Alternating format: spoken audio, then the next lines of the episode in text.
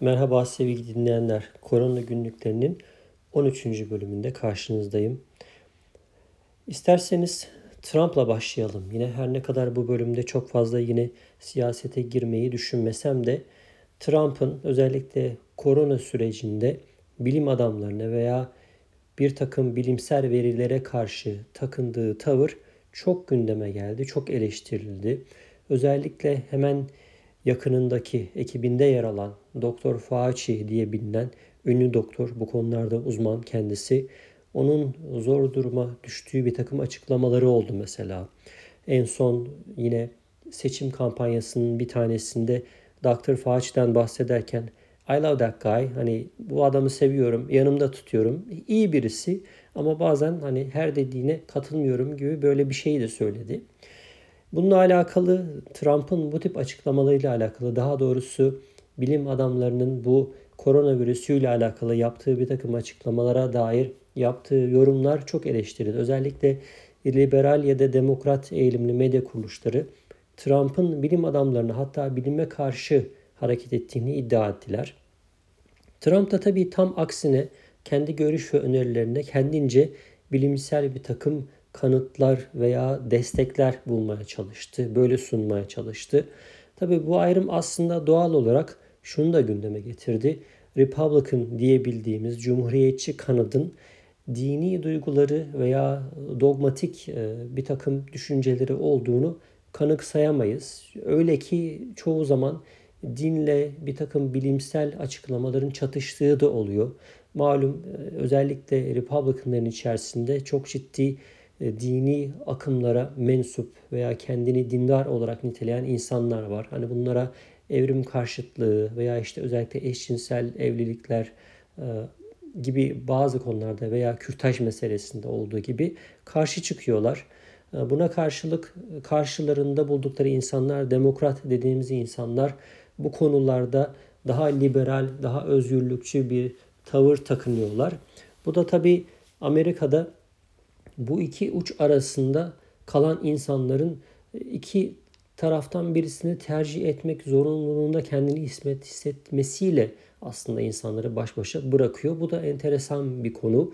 Yani bir insan hem aynı zamanda dindar hem aynı zamanda e, bilimsel bir takım e, sonuçlara, yargılara inanıyor olabilir. E, bunlar da durumuna göre artık kimden yana olduklarını çoğu zaman renklerini belli etmeseler de kendilerini independent olarak görseler de belki adaya göre, belki konulara göre, şu dediğimiz e, seçimlerde veya adayların ele aldığı bir takım e, meselelerde nasıl bir tavır takındıklarına göre onlar da kendilerine taraf seçiyorlar diye düşünüyorum. İkinci konu e, korona günlüklerinin bu bölümünde pandemi sürecinde bitme noktasına gelen sektörlerden birisine değinmek istiyorum ben aslında. Bunlardan birisi pek çok sektör var tabi bu süreçte gerçekten kan kaybına uğrayan. Bunlardan birisi sinema sektörü, sinema salonları. Yazın yerel bir sinema bu pandemi sürecinde sinema salonlarının kapanmasıyla birlikte bir haber kanalında yerel bir habere konu olmuştu. Şöyle gündeme gelmişti. Sinema salonu gösterime yeni giren filmleri yaptığı bir anlaşmayla kendi web sitesi üzerinden izleyicilere sunuyordu. Tabi belli bir ücret karşılığında. Bu filmler henüz yeni piyasaya çıktığı için, henüz yeni gösterime girdiği için daha Netflix gibi ortamlara daha ulaşmamış oluyordu. Böylelikle sinema severler hem kendi yerel e, sinema salonlarını destekliyorlar hem de en son çıkan filmleri evlerinde izleyebiliyorlardı. Bu izleme e, ücret karşılığında olduğu için belli bir komisyonda yerel sinema salonuna kalıyordu.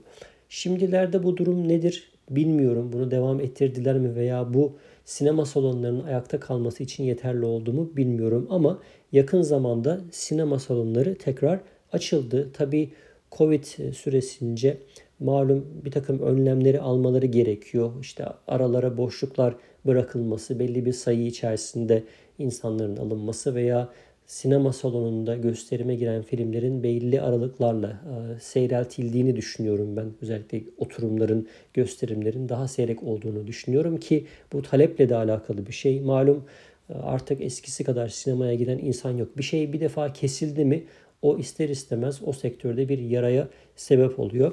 Hatta geçenlerde bununla alakalı bir tweet görmüştüm internet ortamında. Amerika'da birisi bir sinema salonuna gidiyor ve e, bu en son çıkan Tenet isimli bir film vardı. Bu filmi e, tek başına izleyebiliyor salonda hiç kimse olmadığı için adeta kişiye özel sinema salonları haline geldi. Tabi kişiye özel demişken e, sinema salonları hayatta kalabilmek için özellikle son dönemde en çok Amerika'nın en yaygın bilinen sinema salonları zinciri AMC firması sinema salonlarını kiralamaya başladı.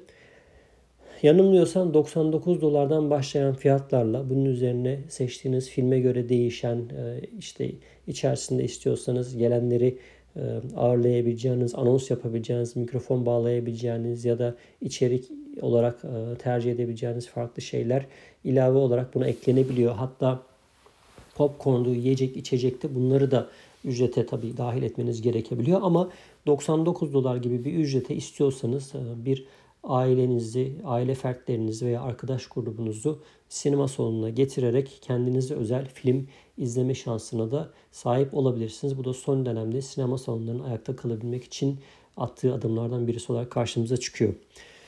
Gelelim e, bu süreçte bir de yükselişe geçen iş dallarına bakalım. Bunlar içerisinde belli sektörler e, ister istemez malum işte Netflix'ti, evden sipariş vermeydi, Amazon Prime gibi uzaktan e, işte posta yoluyla veya insanların delivery yaptığı, tercih ettiği şirketler malum zaten bunları biliyoruz. Zoom mesela bunlardan bir örnek ama bir de bilmediğimiz çok fazla böyle gündeme gelmeyen ama bu süreçte gerçekten e, revaçta olan veya yükselişe geçen iş dallarına şöyle bir bakalım diyeceğim. Bunlardan bir tanesi online exam proctoring olarak karşımıza çıkıyor. Bu şu anlama geliyor.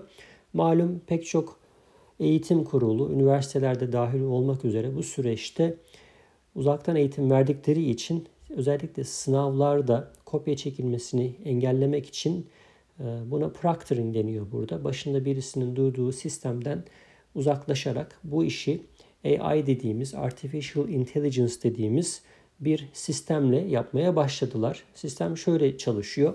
Sınav esnasında ekran kilitleniyor. Öğrenci sınavdan başka bir şey, sınav sorularından başka bir şey göremiyor. Ee, başka bir browser'dan, başka bir e, linkten, bilgisayar üzerinden Google'a veya hiç herhangi bir web sitesine ulaşamıyor. Böylelikle hani kopya çekmesini engellemeye çalışıyorlar. Bununla birlikte bir e, kamera vasıtasıyla öğrencinin hareketleri takip ediliyor. Karşıda bir insan yok öğrenciyi izleyen. AI dediğimiz yine yapay zeka, artificial intelligence'da çalışan sistemler var. Bunlar öğrencinin hareketlerine göre kopya çekip çekmediğine karar veriyor. Bu firmalardan bir tanesi Proctorio isimli bir firma. Bu pandemi sürecinde taleplerin %900 oranında arttığını söylüyor. Ee, bu süreçte insanların veya üniversitelerin böyle bir talebi e, karşılamak için bu tip firmalara ulaştığını hatta bu firmaların aslında 10 yıldır piyasada olduğunu da öğreniyoruz. Fakat malum bu süreçte e, böyle bir talebi karşılamak için kendileri e, üniversitelere, eğitim kuruluşlarına hizmet sunuyorlar. Tabi beraberinde pek çok tartışmayı da getiriyor. Ee, hani öğrencilerin cheat yapmasını engellemek için bu alınan önlemler hani ne kadar doğru, ne kadar etik veya öğrencilere ne öğretiyoruz? Hani başlarına herkesin bir e, robot dikmek, polis dikmek anlamına mı geliyor gibi bir takım eleştiriler de yok değil. Evet son başlık olarak bu bölümde tekrar koronaya bir dönüş yapalım. Nedir son durum? Ee, bugün itibariyle 32 eyalette vaka sayıları artışta diye bir haber vardı. Sadece iki eyalette durumun iyi olduğunu söylüyordu. Bu taraflarda yani bizim e, civarda Vermont eyaleti e, bu anlamda iyi sayılabilecek eyaletlerden birisi. Bizim bulunduğumuz Massachusetts eyaleti dahi şu anda gidişat anlamında kötüye gidiyor diye bir haber vardı. Hatta Kanada e, ABD'ye e, kapıları açmayı düşünüyordu. Bunu ertelemişti 21 Ekim'de kapıları açacaktı. Fakat son aldığı kararla e, başkan daha doğrusu Başbakan Justin Trudeau yaptığı açıklamayla sınır kapısını tekrar kapattı ve süresiz olarak kapattı. Çünkü ABD'nin şu an koronayı kontrol altına alamadığını düşünüyoruz dedi. Bu da aslında bir mesajdı, siyasi bir mesajdı da diyebiliriz. Fakat kendi ülkesinde düşünmek zorunda. Böyle bir karar aldıktan sonra Kanada içerisinde aşı çalışmalarının devam ettiğini de söyledi. Gelişme kaydettiklerini söyledi. Ne zaman aşının hani insanlara sunulabileceğini söylemese de en kısa zamanda aşı üretime geçecek ve insanlara bunu sunacağız diye de bir not ekledi aslında. Bunun dışında malum soğuklar e, başladı. Soğuk hava kendini iyiden iyiye hissettirmeye başladı. ABD çapında bir grip aşısı seferberliği başlatıldı. Bu sene her sene olduğundan daha farklı bir seferberlik var. Çok daha önceden aşılar geldi. Stok anlamında çoğu yerde aşı stoku yapıldı. İnsanlar şu an aşılarını olmaya başladılar. Hatta soğuklar başlamadan eğer siz de ABD'de yaşıyorsanız ki fark etmiyor şu an Türkiye'de de bildiğim kadarıyla bununla alakalı bir çalışma başlamış durumda. Dünyanın neresinde olursanız olun. Genel eğilim doktorların tavsiyesi bu aşının olunması yönünde. Aşı alanlara şu anda indirimler var, kuponlar vesaire veriliyor. Çünkü bu kış gerçekten zor geçeceğe benziyor.